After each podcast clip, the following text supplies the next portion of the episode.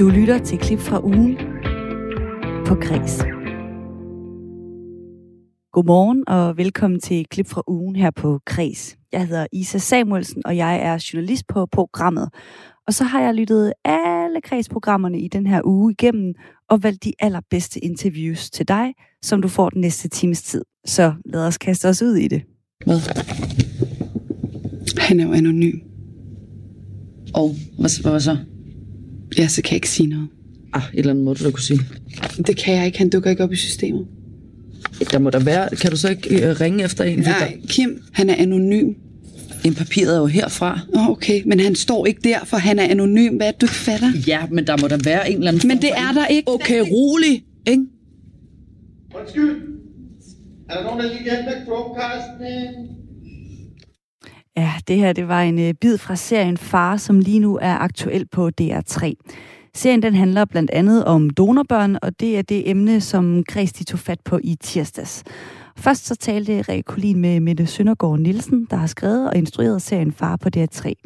Det har hun gjort i samarbejde med Sofie Jo Kaufmannes, som hun også er i et satirekollektiv med, de kalder Flæs. Som altid arbejder vi med tabulagte emner eller noget, vi synes, der gør næst eller svært at snakke om, og det er den måde, vi synes, ting bliver sjovest.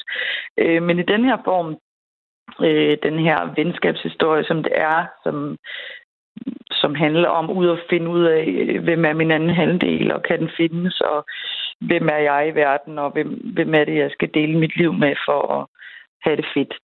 Øh, og der synes vi helt klart, at det var denne her genre, som var den bedste måde at fortælle det på. Så det, det er simpelthen den simple årsag til det. Og i den her serie, der følger vi jo de to øh, halvsøskende Kim og Kat, som i øh, ja, god gammeldags road movie-stil drager ud i ja. verden for at finde deres fælles ja. øh, donor eller far. Altså nu, ja. nu nævner du, at øh, det er selvfølgelig øh, noget mere alvorligt, end I plejer. Hvorfor skulle det lige præcis være en historie, som handler om blandt andet donorbørn? Øh, jamen, det kom det til, fordi øh, at vi vil gerne lave en historie om, øh, hvor præmissen ligesom var, familie er ikke nødvendigvis dem, du deler dit DNA med, det er dem, du deler dit liv med. Altså, at øh, vi i Danmark, øh, familie er mange ting. Alle, det er svært for alle at have familier. Der var vist det et godt emne. Øh, det kan alle forholde sig til på den ene eller den anden måde. Øhm, og så er det, at der er mange, som bruger deres venner øh, mere som familie. Eller du ved, der er mange måder at gøre det på. Øh, sådan lidt mere moderne blik på det. Og så i, i researchen på det, øh, om at gerne vil fortælle om øh, om de her to øh, kvinder, som ender med at nu, skal, nu ved jeg ikke, om jeg må sige for meget, men, ja, det kan sige. Ikke for der, meget. De været Nej, ikke for meget, okay. Men de opdager i hvert fald noget andet, øh, øh, og, og det bliver ligesom sat på spidsen, hvad er familie, og øh, hvad er en relation og sådan noget, ikke? Øh, og så faldt vi simpelthen over, øh, fordi på det tidspunkt, øh, på det stadie, hvor vi var i udvikling med det, så, så var øh, donor-tematikken ligesom oppe igen. Det har den jo været flere omgange, men det var den lige på det tidspunkt i Danmark, øh, fordi det jo i Sverige er ikke muligt at have en anonym donor, og så var der snak om, om man skulle øh, gøre det ulovligt, eller kan man sige, ikke muligt mere, at det kun skulle være åbne donorer, som vil sige, at du kan kontakte din donor, når du er øh, 18 år, altså barnet. Ikke? Og så, det synes vi var vildt spændende, øh, fordi vi netop arbejder med den her familietematik, okay, hvad vil det sige, hvis vi ligesom dykker ind i det her øh, scenarie? Der er ikke nogen af hverken mig eller Sofie, der er donorbørn, men, men dykkede ligesom ind i det her, og vi researchede rigtig meget på det, og var sådan, det er et skide godt afsæt til at fortælle en historie om, hvad familie er. Fordi det er sådan en meget klar præmis øh, med en anonym donor i hvert fald, at du har en øh, en far, som du ikke kender, men du øh, føler stadig, eller nogen føler en connection, eller nogen føler ingen. Øh, og hvad er det så for en, en rejse, man tager Hvad er det for en, en undersøgelse i at finde noget, og kan man finde noget? Øh, som ligesom blev en præmis for at fortælle om, øh, det starter jo der med ud at finde mit ophav, min, min donor, men, men lander et andet sted, sted ved at våge på at stå. Ja, og du nævner jo her, øh, at det, det ligesom også er en undersøgelse af, hvad familie egentlig er. Jeg synes lige, vi skal høre et ja. klip øh, fra serien, hvor familien de spiller bedserviser, og samtidig afslører, at øh, Kim er donorbarn. Eva, vil du ikke læse spørgsmålet op? Hvad? Ja, Karl, vil du ikke læse det? det? Sådan der. I hvilket hav Kim. ligger... Det er din mor, hun prøver at sige. Eva.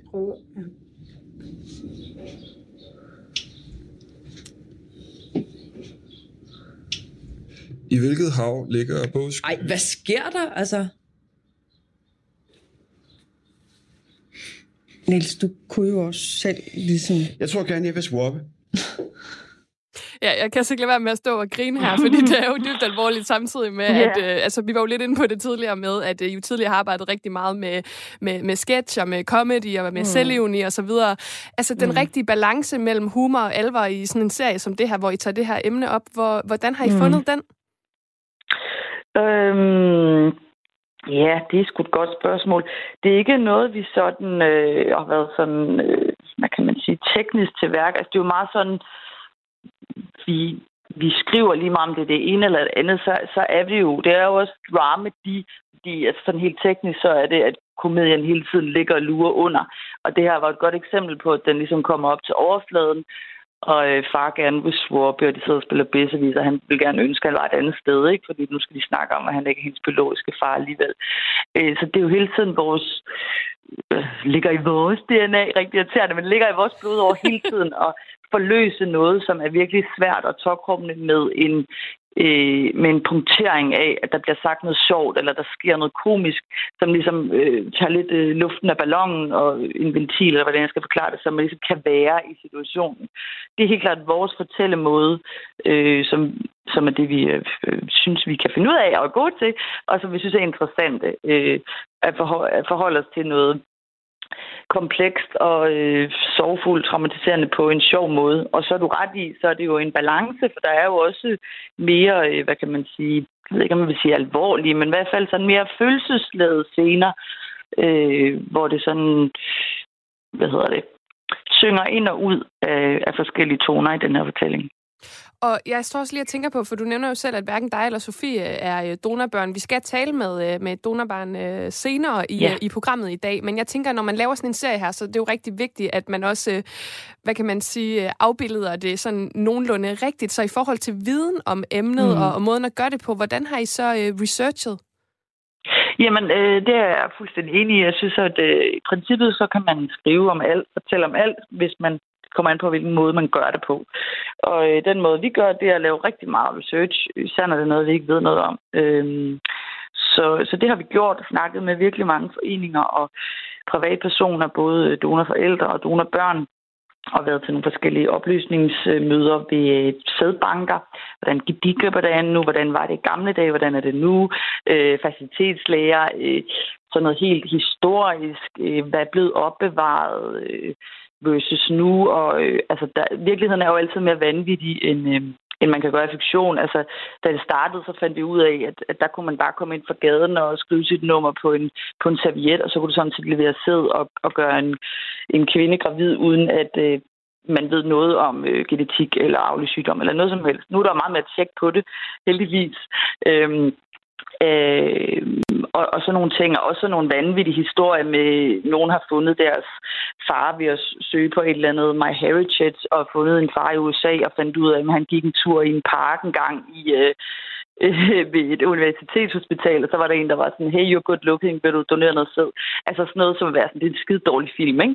Så, så alle mulige historier, vi har hørt, øh, og det har vi selvfølgelig været meget interesseret i at, og, øh, og ligesom samle empiri, fordi man kan ikke fortælle alles historier. Det kan man ikke. Øh, og vi har ligesom valgt to scenarier, som er øh, et menneske, som har vidst det hele sit liv, at hendes mor har øh, fået hende med en donor, og hvordan hun så har det med det.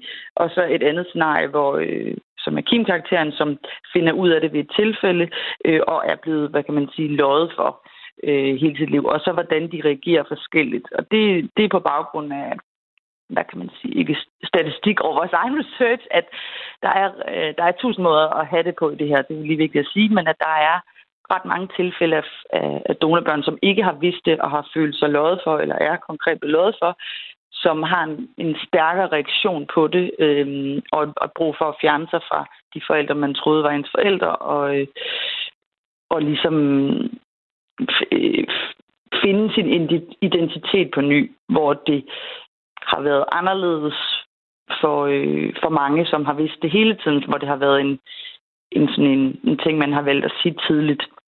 Øh, så det er helt klart bevidst, at de har to øh, forskellige afsæt i det, og så er de jo også modsætninger på alle mulige andre måder. Ja. Og så står jeg og tænker på, altså det er jo sådan, du har en birolle som uh, tjener, hvor du blandt andet opfordrer de her uh, piger, uh, vores to hovedpersoner, til at synge karaoke, og et andet sted, der ja. har uh, Sofie, uh, hun har også en rolle som uh, medarbejder på en, uh, en sædklinik. Altså, I er jo ikke uh, hovedroller, men hvordan kan det være, at I alligevel har selv der at spille med også? Er det simpelthen, fordi I ikke kan lade være? Ja, det er det korte svar. Det er, fordi vi ikke kan lade være. Altså, når man selv skriver og instruerer, så ville det da være dumt, hvis man ikke skrev øh, eller gav vi har sådan set ikke skrevet dem til os selv, men vi har, vi har da givet en birolle til os selv. Det, øh, det skal ikke være nogen hemmelighed. Og fordi vi jo er skuespillere og synes, det er skide sjovt, øh, men jo også i, i lige den her produktion ikke havde... Øh, øh, hvad kan man sige, øh, der, der havde vi ikke kræfter, eller til, der skulle vi ligesom være bag monitoren hele tiden, for det var så, så stor en produktion, så det skulle være en lille rolle, ikke? Men det er da helt klart, fordi vi ikke kan lade være. Ja, sådan lød det altså fra Mette Søndergaard, som er medlem af Flæs og manuskriptforfatter og instruktør på serien Far, som lige nu kan ses på DR3.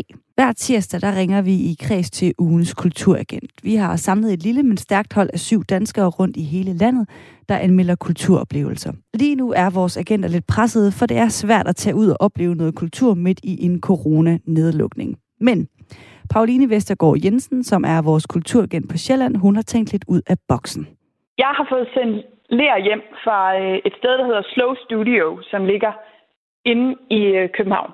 Og det er sådan et par, der hedder øh, Henrik og Michael. De har skabt det her øh, Slow Studio, hvor man altså kan bestille lær hjem, og så sidde derhjemme og nørkle med en hel masse lær, og så øh, sende det tilbage, vælge glasuren, sende det tilbage, så glaserer de og brænder, og så sender de det tilbage til mig herude på landet. Der, og jeg har hverken tid til aftenskole, eller til at tage på keramikkurser, eller har min egen keramikovn, så det er ganske perfekt. Ja, det er også meget coronavenligt, kan man sige. Altså, selv hvis du havde tid til, til de her ting. Og så ved jeg, at du også synes, en keramikovn, den er lige i overkanten i forhold til, til prisen. Øh, ja, og pladsen. Og...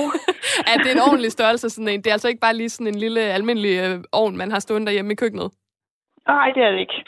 Okay, og hvor meget lær er det så, man modtager, når man bestiller sådan en, øh, en kasse her? Så hvor meget er der, øh, er der mulighed for at lave? Man modtager en klump, og nu kan jeg selvfølgelig ikke huske, hvor mange gram det er på. Og øh, altså, for mig har det været muligt at lave sådan en øh, god din kaffekop, og så kan jeg lave en lille figur ved siden af, eller en lille vase eller sådan noget. Men man kan også vælge at lave en stor figur, eller man må lave op til to ting af den her klump, som man så kan sende tilbage.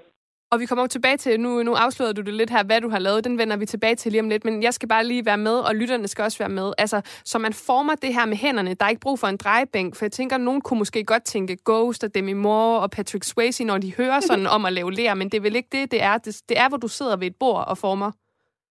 Ja, jeg har været i gang med øh, pølseteknikken, som jeg ikke har rørt ved, siden jeg selv gik i skole og havde øh, øh formning op i et eller andet loftslokale. Så jeg har været i gang med pølseteknikken, men man kan se sådan nogle videoer inde på deres øh, hjemmeside, hvor de sådan præsenterer forskellige teknikker, man kan bruge, når man nu ikke øh, sidder og er øh, med Patrick Swayze bag sig. Så. og altså, nu spørger jeg bare, fordi jeg, jeg kan ikke huske formning så godt. Kan du udfolde pølseteknikken for os? Hvad, øh, hvad indebærer den? Altså, du laver en pølse ud af lær, så lægger du den rundt, og så lægger du en ny pølse ovenpå, og så kan du ligesom sidde og glat ud. Og så til sidst, så kommer det til at hænge sammen. Og så kan man bygge op på den måde, i den form, man gerne vil have det. Okay, og så er det jo sådan, at, øh, at man skældner jo her øh, mellem det, der hedder selvhærdende lær, og så det lær, der skal brændes. Så det er jo det, du arbejder med her. Det er det, der skal glasures, øh, eller glaseres og, øh, og brændes. Øh, så det vil sige, at det, du laver, når det er blevet glaseret og brændt, det er jo faktisk noget, man kan smide i opvaskemaskinen, hvis der skulle være øh, brug for, øh, for det. Men inden vi kommer til det, du har lavet, så tænker jeg lige, Pauline, altså en, generelt, hvor kommer interessen for, øh, for lær fra? Er du generelt kreativ? Ja, ja øh, det vil jeg nok betegne mig selv som. Og især i de her coronatider, der har det virkelig sat skub i det, når jeg ikke sådan kan komme ud og spille teater og lave noget sådan øh, kropsligt kreativt. Så, øh, så er jeg virkelig dykket ned i at øh, upcycle vaser og nørkle med, som du siger, selvhærdende lær og lave malerier og sådan noget. Og det er jo, altså primært har jeg masser af inspiration fra Instagram og øh, og Pinterest og de steder, hvor man kan finde den slags. Så det, er, det har virkelig taget fart. Men øh, jo, jeg er da kreativ, men jeg tænker, alle kan da lige lave en plomblere. ja, men, men øh, det ved jeg, altså jeg tror, jeg tror, jeg holder mig fra det i første omgang. Jeg ved, altså nu nævnte du selv her, det er jo noget, man kan få sådan rimelig nemt fat i forskellige forretninger. Altså hvad er forskellen på at arbejde med det, og så arbejde øh, med det, der skal glaseres? Altså forskellen er jo, at man kan lave noget, der kan bruges til andet end at kigge på. Og så er der også, der var noget med strukturen. Det var som om, det havde, jeg havde lidt flere øh, sådan, formningsmuligheder. Eller stolet lidt mere på det lær. Kan man stole på lær? Det gjorde ja, jeg i hvert fald. det synes jeg. Øh, stolet mere på det lær, jeg har fået tilsendt derfra. Det var som om, at øh, ja, det kunne noget andet, ikke? Men, øh, men det kan jeg selv. Hærdende lær jo absolut også. Og så øh, nu, nu talte jeg jo her øh, tidligere med, øh, med kvinden bag øh, øh krøllet keramik, Louise Rossager. Øhm, og hun er jo øh, hoppet ud i, at øh, hvor det gik fra, at hun øh, altså, øh, prøvede at lave det selv, og så til, at det ret hurtigt blev sådan en kæmpe stor ting med at, øh, at sælge på Instagram, og alle ville have fat i øh, krøllet keramik. Er det noget, du har overvejet at kaste ud i det, eller er du mere til, hvad kan man sige, at beholde dine egne ja, kunstværker? Altså, jeg har min, det er min gaveshop, ikke? Jeg laver gaver til folk fra mig selv. Ja. Så, så jeg har faktisk ikke så meget af det, jeg selv har lavet, fordi det er tit er sådan noget, øh, når jeg skal til den her øh, fest eller fødselsdag, eller hvad det skal være, så laver jeg lige noget selv. Jeg har da også lidt stående, men det kommer tit af, at jeg ser noget og tænker, det kan jeg sgu da selv lave. og er, og så... du, er du også interesseret i, øh, altså følger du også med for forskellige Instagram-profiler og alle, alle de der steder, hvor folk de, øh, de laver ting selv? Øh, ja, jeg har øh, simpelthen blevet nødt til at lave min egen øh, øh kreativ, øh, forklædt som kreativ profil, som, øh, som, hvor jeg kun følger med på kreative ting, for det blev for rodet i min personlige Instagram-profil, altså. Fordi jeg ser på så mange kreative profiler. Så ja, jeg følger så, meget med. ja, det kan jeg høre her. Og så har vi jo gemt den øh, lang tid, men nu kaster vi os jo simpelthen over den. Du har jo lavet en øh, kop, og jeg vil sige, fordi jeg har set den, du sendte et billede af den til mig. Det er en meget smuk kop, øh, og den er jo ikke blevet glaseret og brændt endnu. Så jeg tænker, vil du ikke starte med at beskrive, hvordan den ser ud lige nu, sådan øh, helt rå, siger jeg i godsøjne? Jo, men den øh, er sådan en øh, kopform uden håndtag, sådan øh, så rundt, som jeg kunne få den. Det var ikke helt rundt. Og så har jeg valgt at lave et, øh, et ansigt på den. Med næse og et par trætte øjne og mund. Og jeg tænker lige, hvad var, hvad var tanken med den? Du har jo hentet inspiration et eller andet sted fra. Altså, du vil jo gerne lave en kop. Lad os starte der. Hvorfor lige en kop? Fordi jeg tænkte, øh, at øh, jeg skulle lave noget, som jeg kommer til at øh, øh, kigge på tit. Noget, jeg kommer til at kunne bruge, for det kan jeg jo ikke på samme måde med mit selvhærdende lær. Og jeg er rimelig glad for keramikkopper. Lad os bare sige det sådan. Min kæreste synes, vi har for mange, men det mener jeg simpelthen ikke, man kan få for mange af. Øhm, så øh, vi bruger rigtig meget kaffe keramikkopper, så jeg tænkte, det må være noget, som vi sådan kan have stående der og have i brug og bruge det aktivt i vores hverdag. Altså, nu siger din kæreste, at han mener, at I har øh, for mange keramikkopper, og du mener det ikke. Hvor mange drejer det sig om? Ej, vi er da nok kun på sådan 30 stykker. okay, okay. Men jeg har øh. lige givet ham en i fødselsdagsgave, så det bliver han måske glad for. Okay, måske. og så nævner du jo, at det, det er det her ansigt, og jeg så den, og jeg tænkte jo sådan, at det lignede lidt øh, Yubaba fra øh, Chihiro og Heksen, altså den har sådan lidt øh, hendes ansigt over sig. Øh, den her proces med at lave det her ansigt, øh, du forklarede mig det lidt tidligere i dag, da vi snakkede sammen. Vil du ikke fortælle, hvor, hvor, hvordan det gik? Det udviklede sig jo ret meget. Øh, ja, det gjorde, det gjorde det. Jeg sidder med den her klumpler, og jeg har besluttet mig for, hvad jeg skal lave. Jeg er klar til at gå i gang. Jeg går i gang med den her pøsteteknik, og jeg er så bange for at øh, ødelægge det. At jeg gør noget forkert. At jeg ikke kan huske mine formningstimer, eller ikke har kigget godt nok på den der video. Så jeg var simpelthen så bange for at gøre noget forkert, og mit hoved var sådan fuld af tanker om, det her overhovedet ville lykkes. Og så blev det så grimt, så jeg bare havde lyst til at sådan smide det ud. Men så står der inde på deres hjemmeside, at man ligesom skal stoppe med at dømme sig selv, og man skal give sig hen til processen og være til stede i det. Så nu beslutter man simpelthen bare, nej, nu, nu bliver du i det, du laver det ikke om. Så må du se, om du kan redde det, Pauline. Og så besluttede jeg mig sådan helt aktivt for, at nu skulle jeg stoppe med at være bange for læret. Og så tog det ligesom fart. Så kunne jeg forme, og lige pludselig havde koppen den måde, jeg ville have, den skulle være på i sådan formen. Og så begyndte leret at sprække, og så gik jeg i total panik, og så sprækkede det indvendigt, og så fik jeg lappet det, og så begyndte det at sprække udvendigt, og så, altså, der var mange stadier, og så var koppen færdig, og så kunne jeg begynde på det der ansigt.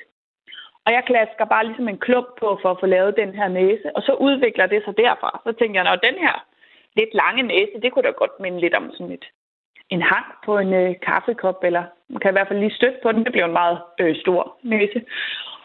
Og så tænkte jeg, at jeg egentlig lavede en gammel mand, men så fik jeg lavet øjnene, så blev de sådan helt vildt kratte, og så tænkte jeg, det går jeg bare med, det passer tit godt til kaffe. Og så fik jeg lavet øh, munden på det, jeg troede var min mand, og så lignede det en gammel dame, som, ja, sådan lidt heksagtig, og så, øh, så lærte jeg at elske hende. Oh, det, det var sådan, hun blev. Og hun skal jo så uh, sendes ind og uh, glaseres og, og brændes. Uh, egentlig, når jeg tænker over det, hvis det er ligesom uh, Yubaba for Chihiro og heksene, så er det jo meget passende i den situation. Men altså, vi har jo snakket rigtig meget om uh, lær nu her, og keramik tidligere i programmet også, da, da jeg talte med Louise. Altså, det her kan man jo gøre uh, selv derhjemme. Hvem tænker du, uh, Pauline, vil synes netop det her, det vil være fedt at, uh, at kaste sig ud i? Altså, hvis man har den mindste øh, lyst til at sidde og, øh, og lege med lær og nørkle med lær og skabe noget, hvis man har den her skabertrang, så er det for alle dem, der har en snært af det. Og det er også for alle de forældre, som synes, formning mangler på hjemmeskoleskemaet. Så kan man købe en familiekasse, og så kan man lave en aktivitet ud af det for hele familien. Ja. Så det er for alle dem, der har lyst. Ja, men det er også det er en bred kamp at skære det over. Det synes jeg er fint, fordi så appellerer vi også til, øh, til en del mennesker her. Men, Pauline, det er jo også sådan, at her til sidst, der skal vi jo have uddelt en karakter på en skala, som skifter øh, fra gang til gang, alt efter hvad I anmelder. Og øh, der gives jo altid fra 1 til 6. Og i dag, der tænker jeg, nu var vi lidt inde på det tidligere, keramikovnen, de koster mange penge. Så, Pauline, hvor mange ekstremt dyre keramikovne på en skala fra 1 til 6 vil du give din gør-det-selv keramikkasse? Altså, jeg vil give dem helt klart øh, seks keramikovne. Det er, det er det, jeg altid har drømt om. Et sted, hvor jeg kan sende mit keramik ind. Og de har mega god service, og de virker bare mega rare. Og man kan mærke, at de brænder for det her, og de skaber skismaro midt i en, øh, en stresset eller travl hverdag i det her øh, hurtige samfund, vi, vi lever i. Så absolut skal Slow Studio have seks mega dyre, mega lækre keramikovne. Sådan blev det altså til seks mega dyre keramikovne fra Pauline til Slow Studio. I onsdags der handlede det i kreds om børnekultur. Rikke hun talte blandt andet med Beth Junker, som er ekspert i børnekultur og medforfatter til bogen Børnekultur i Danmark 1945-2020. Men når det er børnekultur, der er emnet, så skal der jo også nogle børn på banen. Her er det 10-årige Karl Vellner, som giver os tre gode tips til børnekulturoplevelser, man kan lave derhjemme. Og så får vi også lige en rundvisning på værelset med i købet. Jamen, det her det er mit værelse, og der er lidt forskellige ting. Det er mest gaming, der, der er herinde. Og så står der noget op på væggen, som der står for eksempel bare 5 minutter mere. Hvorfor står der det? Det er, når mine øh, forældre kommer ind øh, øh, og siger, nu, der, nu skal vi spise, så siger jeg altid, at de lige kan komme ind og se, hvad der står.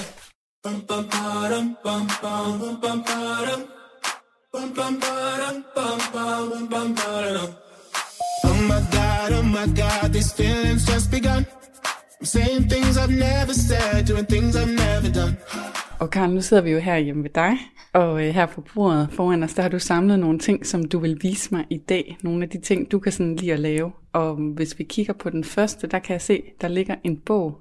Hvad hedder den? Den hedder Det smager af lort. Skal vi ikke lige prøve at kigge lidt i den? Jo. Kan du prøve at åbne den? Og hvad er det for en slags bog?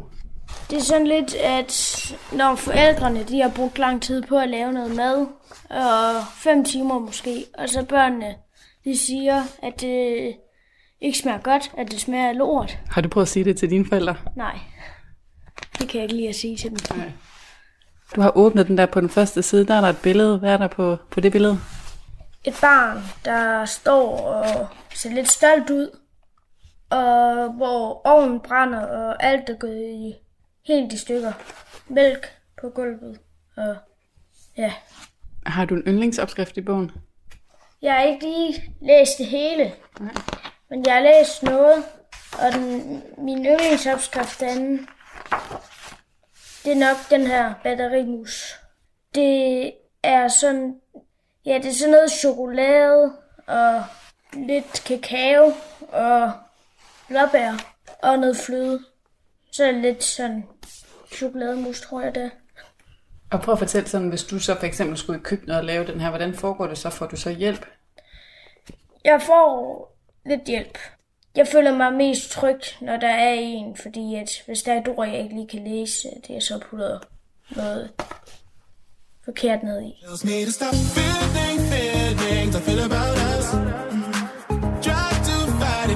never enough.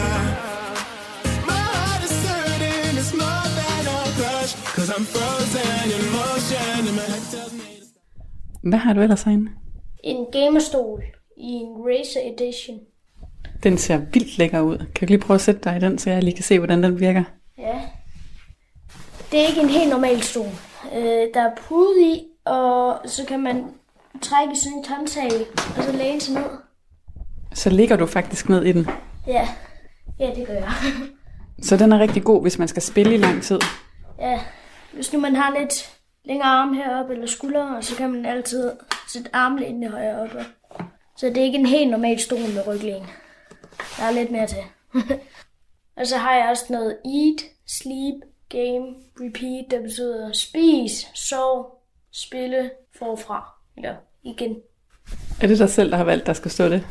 Ja, det er fordi, at øh, det er lidt sådan, så kan jeg sige, det er mit schema, og så skal jeg ikke ud og hjælpe så meget. det er en god taktik. Ja.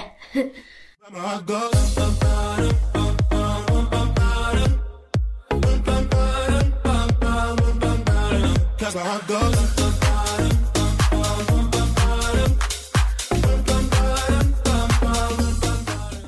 Skal vi se på det næste, du har fundet til os her? Det er et spil, kan jeg se. Hvad er det for et spil? Det er et spil, der hedder Partners. Og det er lidt ligesom Ludo. Man kan vælge en farve, og så den, man sidder skråt overfor, den er man sammen med, og så skal man bruge man fire kort, og så skal man bytte et kort til hinanden. Og så gælder det om at få en starter, og så kan man komme ud, og så skal man komme hele vejen rundt. Så er der nogle forskellige kort som bytte plads, så kan man bytte plads med andre, og så er det ligesom Ludo. Og hvem spiller du det spil med? Øh, jeg spiller det med min lillebror og mine forældre. Og så nogle gange spiller jeg det lidt med nogle af mine venner, når jeg er dem på besøg. Oh my God, oh my God, can't believe what I've become. I'm thinking things I shouldn't think, singing songs I've never sung. Oh my God, oh my God, when I see you I should run. But I'm frozen in motion and my head tells me... Karl, så har du også noget herover, som hænger på din dør ind til dit klædeskab, jeg også lige synes, vi skal tale om. Hvad er det, du har herover? Ja, det er en hel masse medaljer. Nogle for håndbold, nogle for fodbold, nogle for en for LaLandia og noget nede i Nyborg har jeg også lidt. Hvorfor hænger de her? Altså, det var...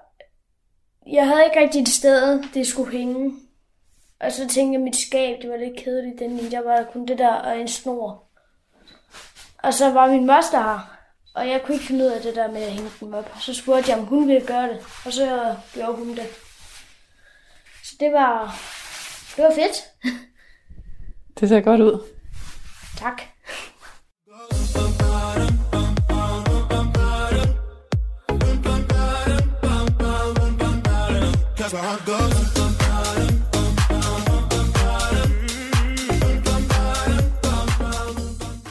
Og den sidste anbefaling, det ved jeg, at der skal vi måske have mobilen frem. Ja, øh, det spil, der er gået, det blev lidt spændende for folk. Det hedder Among Us. Det er et spil, der hedder Among Us. Uh, skal vi ikke prøve at se, hvordan det virker på telefonen? Vil du ikke vise mig det? Jo, så skal jeg hente det. Ja, det er sådan et spil, hvor at man kan lave et game, og så kan man finde et game. Man kan også øh, spille det på computer og mange andre ting. Men det er altså sådan et spil, hvor man ligesom kommer ind i et rum, og der kan man måske møde nogle andre, som også er online. Ja. Og hvad sker der så inde i det rum, når man kommer derind? Øh, når man kommer derind, det er ligesom et... Det er lidt forskelligt, hvad det Man kan lave forskellige maps. Men det kendte map, det er jo nok The Skill. Øh, et rumskib, man er i, og så skal man crewmates løse sine opgaver. Og imposterne skal prøve at dræbe dem, før de løser deres opgaver. Og så er det noget med, når man så kommer ind i de her rum, så får man tildelt nogle forskellige roller. Der er en, der bliver det der, du kalder imposter. Hvilken rolle får man så? Man får den rolle at dræbe folk. Og det er det, de fleste de godt vil være. Og hvad skal de andre så? De andre, de skal øh, sørge for ikke at blive dræbt, og så skal de holde øje og klare deres opgaver, der står ude i venstre side. Og så nogle gange, så spiller jeg det også med mine venner over i klubben, når vi har fået fri fra skole. Og hvad så nu her, hvor du faktisk er i hjemmeskole? Kan du så spille det med nogle af dine venner online? Ja, jeg har jeg aftaler tit med nogle af mine venner om, øh, vi ikke bare gør på et nyt meet, eller lave et nyt meet, og så øh, bare øh, spille sammen dagen. Det var min kollega Lene Grønborg, der havde talt med Karl om børnekultur. Nu er det tid til det håbefulde hjørne med Rikke Kulin. I det håbefulde hjørne, der taler jeg med herlige mennesker, som spreder glæde på internettet. Og det her, det var altså lidt af Svend Herligs bryllupssang. Og Svend Herlig, det er jo Bamses alter ego til dem, der ikke kender ham. Og øh, det hørte du altså lidt af, fordi vi nu skal byde velkommen til en, der med navnet på sin Instagram-profil sender en kærlig hilsen til Svend Herlig, nemlig Herlige Svend. Og Svend, velkommen til Kreds. Hey Rikke, hold kæft, det er en god sang. Er det ikke rigtigt? jo, man bliver så uh. glad af den. Så har du har sang med? Det er helt sygt. Ja, ja, fuldstændig. Jeg sidder og rocker derude af. Sidder min ting. Jeg er så glad for, at du vil være med. Øh, jeg er jo kæmpe fangirl af øh, herlige Svend, men øhm, vi skal snakke lidt om, hvad Herlig Svend egentlig er, for det er jo den her meme-profil. Og hvis der nu sidder nogen derude og ikke ved, hvad en meme er, så er det, hvis jeg lige mhm. skal forklare det kort, et typisk et billede eller en video ledsaget af en eller anden form for tekst, som øh, bruges til at beskrive fænomener, og så er det altså en populær kommunikationsform på ja, stort set alle sociale medier. Og herlige Svend, det er jo en meme-profil, hvor du deler en øh, masse memes med øh, nuttede dyr, som ligesom i talsætter forskellige følelser. Men det var jo ikke sådan, det, det helt startede, fordi øh, selvom navnet det er en ode til Svend Herlig, som er Bamses alter ego, så var det ikke helt der, det begyndte. Hvordan opstod Herlige Svend, og hvordan har Herlige Svend udviklet sig?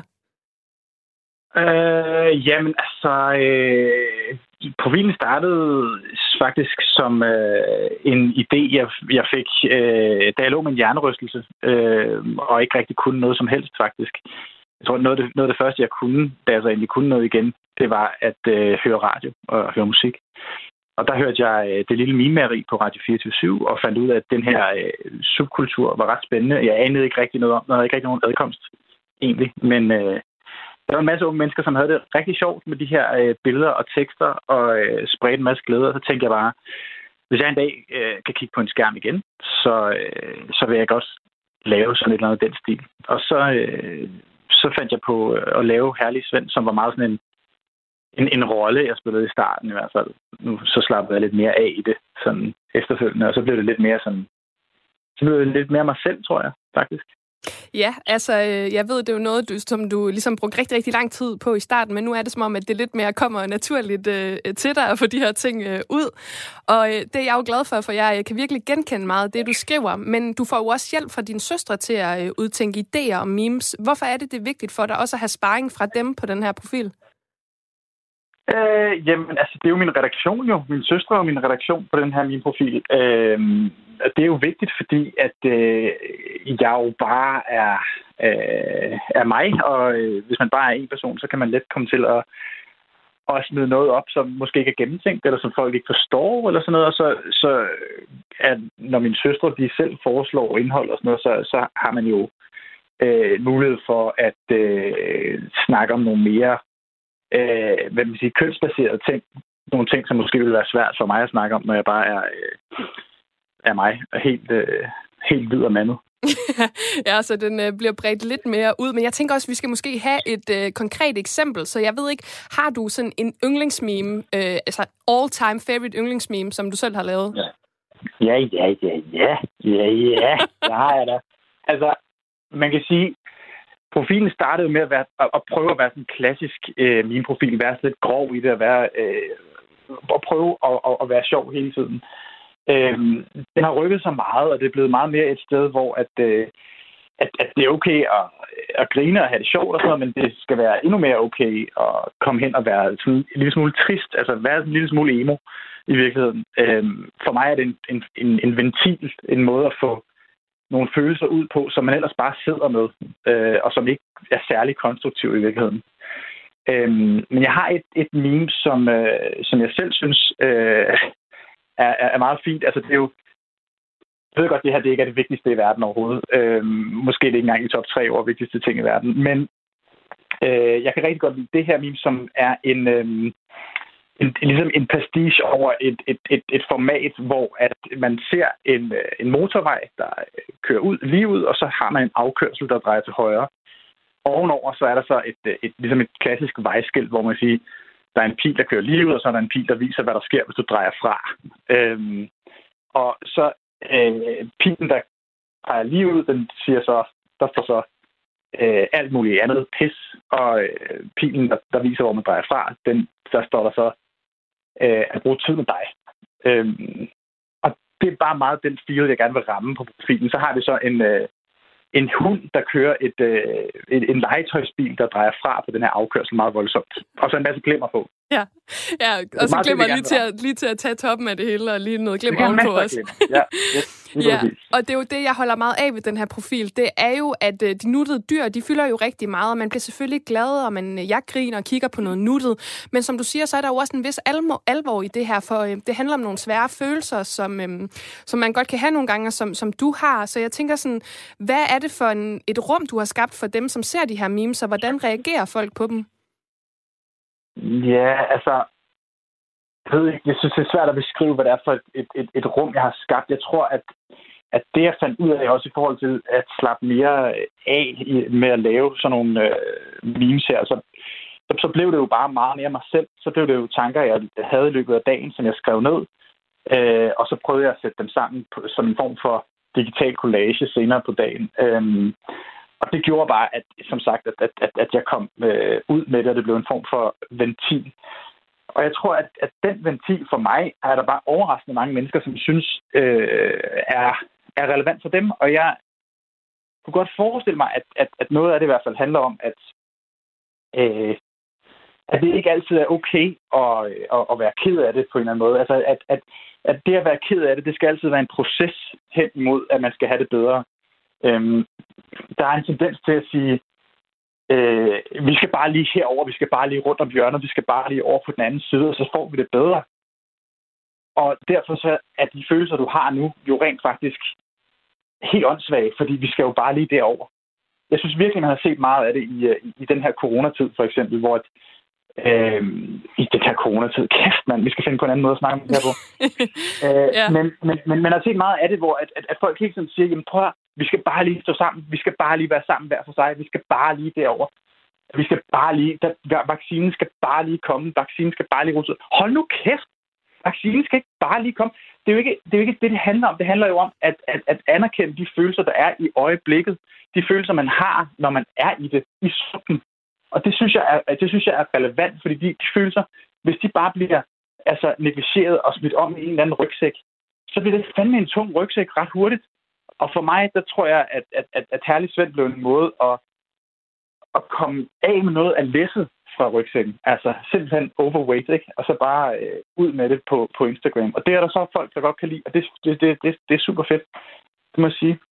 Ja, altså øh, føler du også bare lige kort her til sidst, Svend, at hvad kan man sige, at det også har øh, i hvert fald hjulpet dig på en eller anden måde at have den her profil i forhold til, som du siger, man kan jo ikke bare lige lægge sine følelser fra sig, selvom at øh, man hører den retorik til pressemøder for eksempel. Har det hjulpet dig i den her tid at have herlige Svend? Ja, men altså, jeg håber, jeg håber også, det har hjulpet andre, i hvert fald en lille smule. Altså, det er jo ikke, som sagt, det er jo ikke det vigtigste i verden. Det er jo bare et, et, et, et splitsekund øh, hver dag for folk. Øhm, men, men, men det har da hjulpet på den måde, at, at man ligesom, at ligesom har et projekt. Når det så er sagt, så synes jeg også, at jeg synes måske heller ikke, når jeg kigger tilbage, at, at, at det har hjulpet så, øh, så meget, som man egentlig kunne forestille sig. Fordi det har også understreget for mig egentlig, at den her internetbaserede kultur og sådan noget, for mig i hvert fald personligt, ikke overhovedet kan komme i nærheden af at erstatte de fysiske møder med mennesker. Mm. Øh, og det der med at begrave sig i sin telefon med en skærmtid på 8 timer, er måske heller ikke helt vejen til til en form for lykke, men det er da i hvert fald en måde at træde vandet på, og det synes jeg da egentlig har fungeret meget godt. Lød det, da Rikke Kolin talte med Svend, som du altså kan finde på Instagram-profilen Herlige Svend. Der bliver sat tvivl ved det hele, inklusiv venskabet i tv-serien om venneparet Jesper og Julie. Men her i femte sæson og sidste sæson, der hedder 33, der bliver det altså klart, at venskabet er det, som er den røde tråd hele vejen igennem serien. Og derfor der dykkede vi i kreds i onsdags ned i det langvarige venskab tv-serien den er dedikeret til min bedste ven. Og det er den, fordi venskaber er altafgørende for at komme igennem alle krisetider. Det mener instruktørerne Julie Rudbæk og Jesper Sukslag, som min kollega Karoline Kjær Hansen tog en snak med tidligere på ugen. Selvom vi har været så mange forskellige tematikker igennem øh, i alle fem sæsoner, så synes vi, at det gennemgående er Julia og Jespers venskab. Og det er, serien er en hyldest til venskaber, og at at alt kan ramle omkring en, men hvis du har rigtig gode venner og en bedste ven, så skal det hele nok gå. Så vi synes ikke, vi kunne øh, dedikere den til noget andet end øh, ens bedste ven. Også fordi vi ved, at der er så mange vennegrupper, der har siddet og set serien sammen. Så i stedet for, som så mange øh, serier og film og bøger handler om, om kærlighed, og kærlighed er det ypperste, så kunne vi godt tænke os at sætte fokus på, at venskabet og det slags kærlighedsforhold også øh, har stor betydning. Jesper og Julie i serien, de kender jo hinanden fra øh, gymnasiet, og her i uh, sæson 5, som uh, hedder 33, der er der også en scene, som er sådan et tilbageblik til en studenterfest, hvor de sidder med hver deres studenterhue og taler om fremtiden. Ved du hvad jeg synes, vi skal nu? Nu synes jeg, vi to skal gå ind på dansegulvet og finde en pige til dig. Og hvis ikke hun er derinde, så lover jeg dig, at så møder du ind i fremtiden. Ikke? Jo.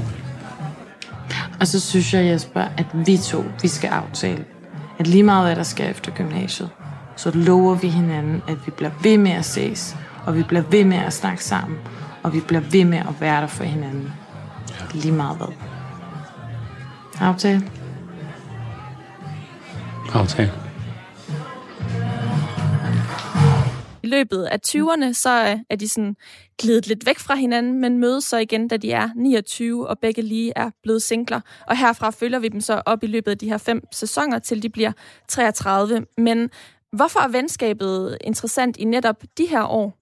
Ja, det er jo altid interessant med venskabet, men det er jo, de, er jo, de finder jo hinanden som, som 29-årige igen, hvor de begge to er blevet singler, og jeg tror, der er mange, der kan genkende det der med, at man har haft en kæreste i 20'erne, eller bare på et eller andet tidspunkt, og så kan man glide lidt væk fra vennerne og glemme at investere i venskaberne, som man har. Øh, og det er måske lidt det, der er sket for dem. Og så finder de hinanden i samme situation igen, og begynder så at kunne bruge hinanden igen som venner, fordi nu er de pludselig i samme båd, hvilket er også en af de tematikker, vi tager op i den første sæson 29. Øh, hvad sker der så, hvis den ene begynder at få en kæreste igen? Hvad gør det så ved venskabet? Ikke? Det var faktisk en af tematikkerne i starten der. Øh, så, så, det, øh, det, så det handler om, at de ligesom finder hinanden og kan, kan bruge hinanden øh, til noget igen, og det holder de så fast i nu. Den her årrække er jo også en periode, hvor mange netop stifter familie eller dyrker en karriere. Det er jo alt sammen noget, som kan udfordre venskaber, som vi også ser tilfældet mellem Jesper og Julie, hvor både kærester og karriere flere gange sådan kommer lidt imellem dem.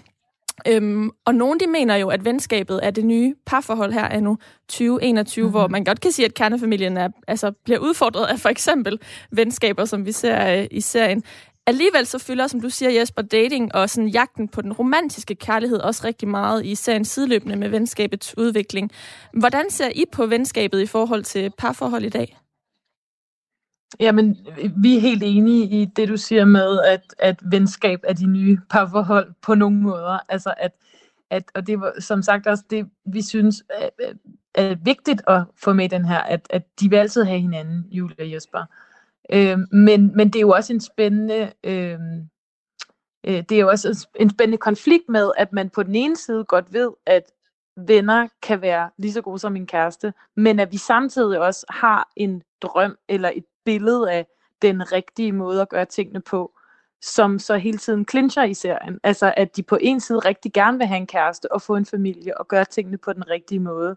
Og så finder de samtidig også ud af, at de kunne da også få et barn sammen som venner at, at man, selvom at vi er en, en moderne ungdom, der godt vil gøre tingene på en ny måde, så er vi stadig også på en eller anden måde bundet af nogle traditioner og set en måde, vores forældre har gjort tingene på, som, så vi på en eller anden måde split, en splittet generation, som på den ene side godt vil have en mand og to børn og gøre det på den rigtige måde, og på den anden side godt ved, at vi ser nok fremad mod en verden, hvor at det bliver mere og mere normalt at opløse de her øh, klassiske familiekonstellationer, for eksempel. Den splittelse er god at have med i serien. Er det lidt et udtryk for en drøm om at ville have det hele? Ja, det, det, det tror jeg, eller i hvert fald også en måde for at lide sig med, at så blev det måske ikke som en drømte om, og det gjorde måske ikke noget, fordi hele serien handler jo også meget om, at vi har et billede af det, vi tror, der skal gøre os lykkelige. Øhm, og så, så, så, så bliver livet ikke altid sådan, og måske er det okay. Altså, så det også handler om Julie Jespers kamp for ligesom at finde ud af, at det, det, man tro, det sted, man troede, man skulle være, når man var 30, det er måske ikke det, der gjorde en lykkelig. At det også hele tiden er en, en opdagelse af, at livet kan gå andre veje, og det er måske okay. Og det kan vel også være en trøst, tænker jeg, i en tid, hvor at valget kan føles overvældende. Valgene, mm, som yeah. der jo er mange af. Ikke ja, det kan føles så afgørende, men, men at man ligesom finder ud og, og at i forhold til venner, at man finder ud af, at alle er i tvivl. Også Laura og Tobias karaktererne er jo nogen, der repræsenterer lige præcis dem, der har valgt familielivet. Og de har mindst lige så mange problemer, som Julia Jesper har, når de kejler rundt som singler. Så det er også det der græsset grønner på den anden side, man ligesom tager op og siger, at hvis man snakker om det med sine venner, om folk har børn eller ej, eller har kærester eller ej, så vil man finde ud af, at der er lige så mange problemer forbundet med at have en kæreste, eller have børn. At, at du ved, græsset er ikke altid grønnere på den anden side. Jude, nu nævner du jo selv uh, Tobias og Laura, og uh, her i serien er det jo ikke kun venskabet mellem Jesper og Julie, der fokuseres på. Der er jo netop også venskabet mellem for eksempel Julie og Laura og diverse øvrige mm. veninder, som Amanda og Cecilie, som faktisk også oplever, at jeg udfordrer uh, Julie og Lauras relation uh, på skift på ja. en eller anden måde. Og så er der jo så Jesper og Tobias, som er Lauras mand, og slutligt også uh, Martin. Hvilke forskelle uh, og ligheder har I observeret, uh, i, i, ligesom i forsøget på for de her forskellige venskabsformer frem. Også, her tænker jeg også på tværs af kønnene. Øh, det er jo rigtig nok, som du siger, at, at det er jo både interessant, at jeg fortæller venskabet mellem mand og kvinde, men øh, for eksempel det med Laura og Julie. Vi, jeg synes her i femte sæson, at der manglede også en historie om, om øh, at når to kvinder bliver udfordret i deres venskab, og derfor blev øh, Cecilie-karakteren sat ind som sådan en et, en, en, en trussel til Laura, kan man sige, fordi hun lige pludselig repræsenterede en anden side af Julie. Så den der følelse af, at man som veninder nogle gange kan have et ejerskabsfornemmelse over for hinanden, eller pludselig kunne Laura se, øh, øh, hun begyndte at stille spørgsmålstegn ved, om hun var god nok, fordi nu kom Cecilie ind og repræsenterede en anden side af Julie. Og den tror jeg, mange kvinder kender det der med, at især hvis hun så også er rigtig nice, vi har gjort meget ud af at gøre Cecilie virkelig likable, fordi så forstår man godt, at det kan gøre ondt i Laura, at Julie lige pludselig bliver sådan venindeforelsket. Hvad mener du, når du siger venneforelsket? Jamen, det mener jeg, det har jeg bare snakket meget med mine veninder om, det der med, at vi, vi har alle sammen prøvet her i vores voksne liv at møde nogen, fordi man har jo, de fleste i vores alder har sådan en vennegruppebase, fordi vi har levet et vis antal år nu. Men man bliver ved med at møde nye mennesker i livet, heldigvis, som øh, lære en at kende for den, man er nu. Og så kan man godt møde en, synes jeg engang imellem, hvor man bonder helt vildt og nærmest får et crush på personen, ligesom man vil få øh, i en partner, en kærlighedspartner. Fordi at man bare sådan, gud, hende kunne jeg have været venner med hele mit liv. Mm-hmm. Øh, og fordi de måske ser en med nogle nye briller, hvor gamle venner ofte ser en også med, ah, men du har jo altid været sådan og sådan. Og så kan man jo godt nogle gange føle, at man har ændret sig. Øh, og det er det, den nye den nye venne forelskelse så kan at se en, som man synes, man er nu. Så der er fordele og ulemper ved at have begge dele, ikke? Eller altså, det, det er godt at have både gamle venner og nye venner, tænker jeg. Og jeg tænker, at drenge kan også blive vennecrushet på hinanden, ikke? Altså sådan, få sådan body crush på hinanden. Jo, 100 procent. Det er meget det samme, synes jeg. Det, og det, det kan man også godt med nogen fra, fra det modsatte køn. Øh, det, når der er nogen, der rammer et eller andet, som man mangler i en periode, Øh, jeg synes som regel, jeg kan mærke det på den der følelse af, at jeg kender folk i forvejen, som, som er sådan helt uforklarlige, men hvor man tænker, vi skulle da kendt hinanden i 10 år, første gang man står og snakker sammen, og man rammer hinanden humormæssigt. Øh, det er vanvittigt lækkert, man kan blive ved med at have de oplevelser, også selvom man er kommet op på den anden side af 30. Jesper og Julie, de er især en rigtig gode til at have et sprog for det svære, eller i hvert fald i talesæt det, når venskabet bliver udfordret. Sådan oplever jeg det i hvert fald. Det kan godt være, at de ikke altid har et øh, sprog for det lige i situationen, men så prøver de at, at få det og tale sig ind på livet af hinanden. Øhm, et eksempel er øh, andet sidste afsnit, hvor at øh, Jesper og Julie, de står i Tivoli. Og hvorfor har du ikke fortalt mig noget om det? Alle ting handler om Theo hele tiden, eller også er du gået rundt i din egen verden. Har jeg gået rundt i min egen verden? Ja. Jesper, det er da dig, der har været sammen med en af vores fælles venner. Du skulle da heller ikke sagt det med Martin. Nej, hvorfor tror du, Jesper? Det er da fordi, at hver gang jeg nævner Martin, går du fuldstændig bananas. Ja, fordi du er i gang med at fuck alting op igen.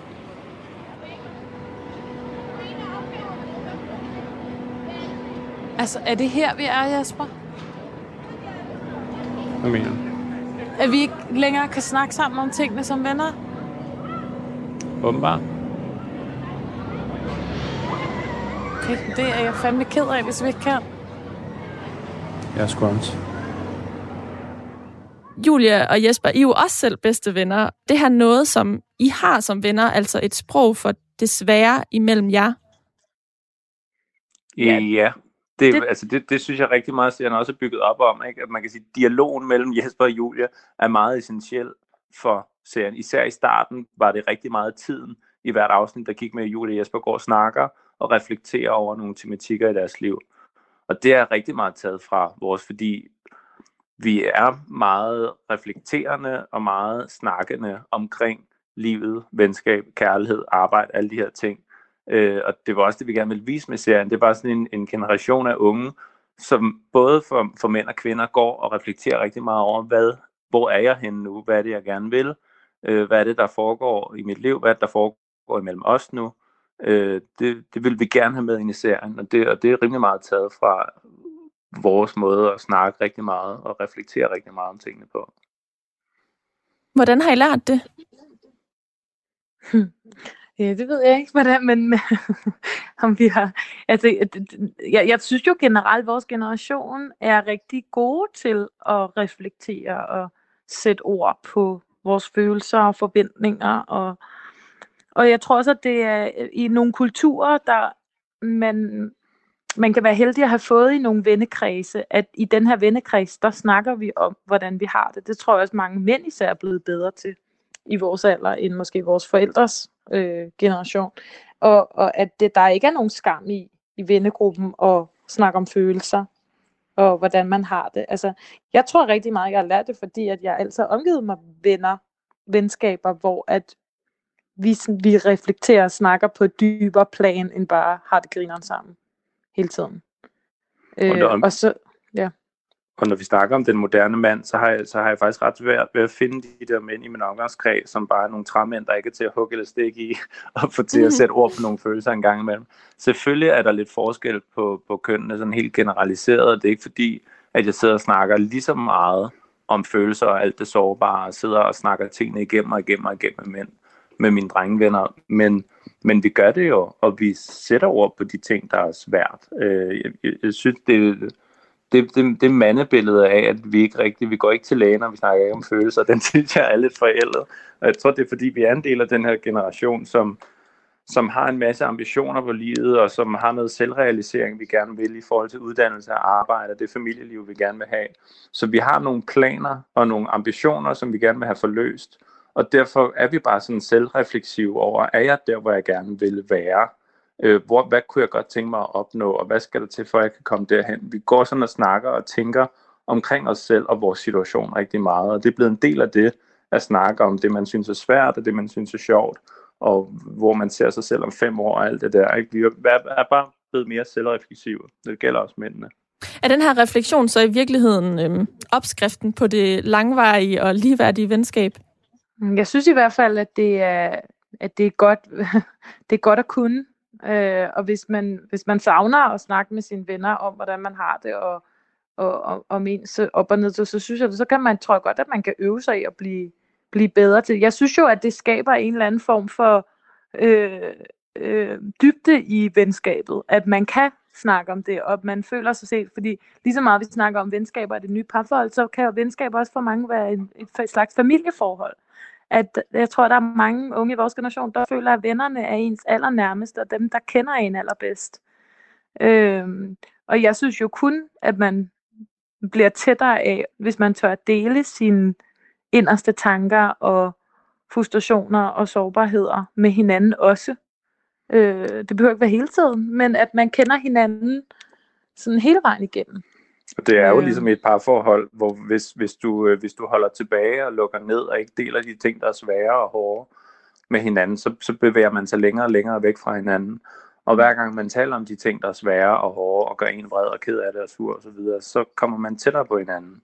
Og det gælder jo alle relationer, ikke? Det er jo en kæmpe styrke for relationen, for forholdet, uanset om det er en kæreste, eller familie, eller venskab. Det var min kollega Karoline Kjær Hansen, som havde talt med instruktørerne Jesper Suslaug og Julie Rudbæk Baden. De spiller i øvrigt også begge to karaktererne i serien. 33, den kan du lige nu se på sige. De første tre sæsoner, 29, 30 og 31, de er frit tilgængelige på juliajesper.dk. Det var alt, hvad jeg havde fra denne uges udgave af Klip fra ugen her på Kres. Jeg hedder Isa Samuelsen, og jeg håber, at du får en rigtig dejlig lørdag.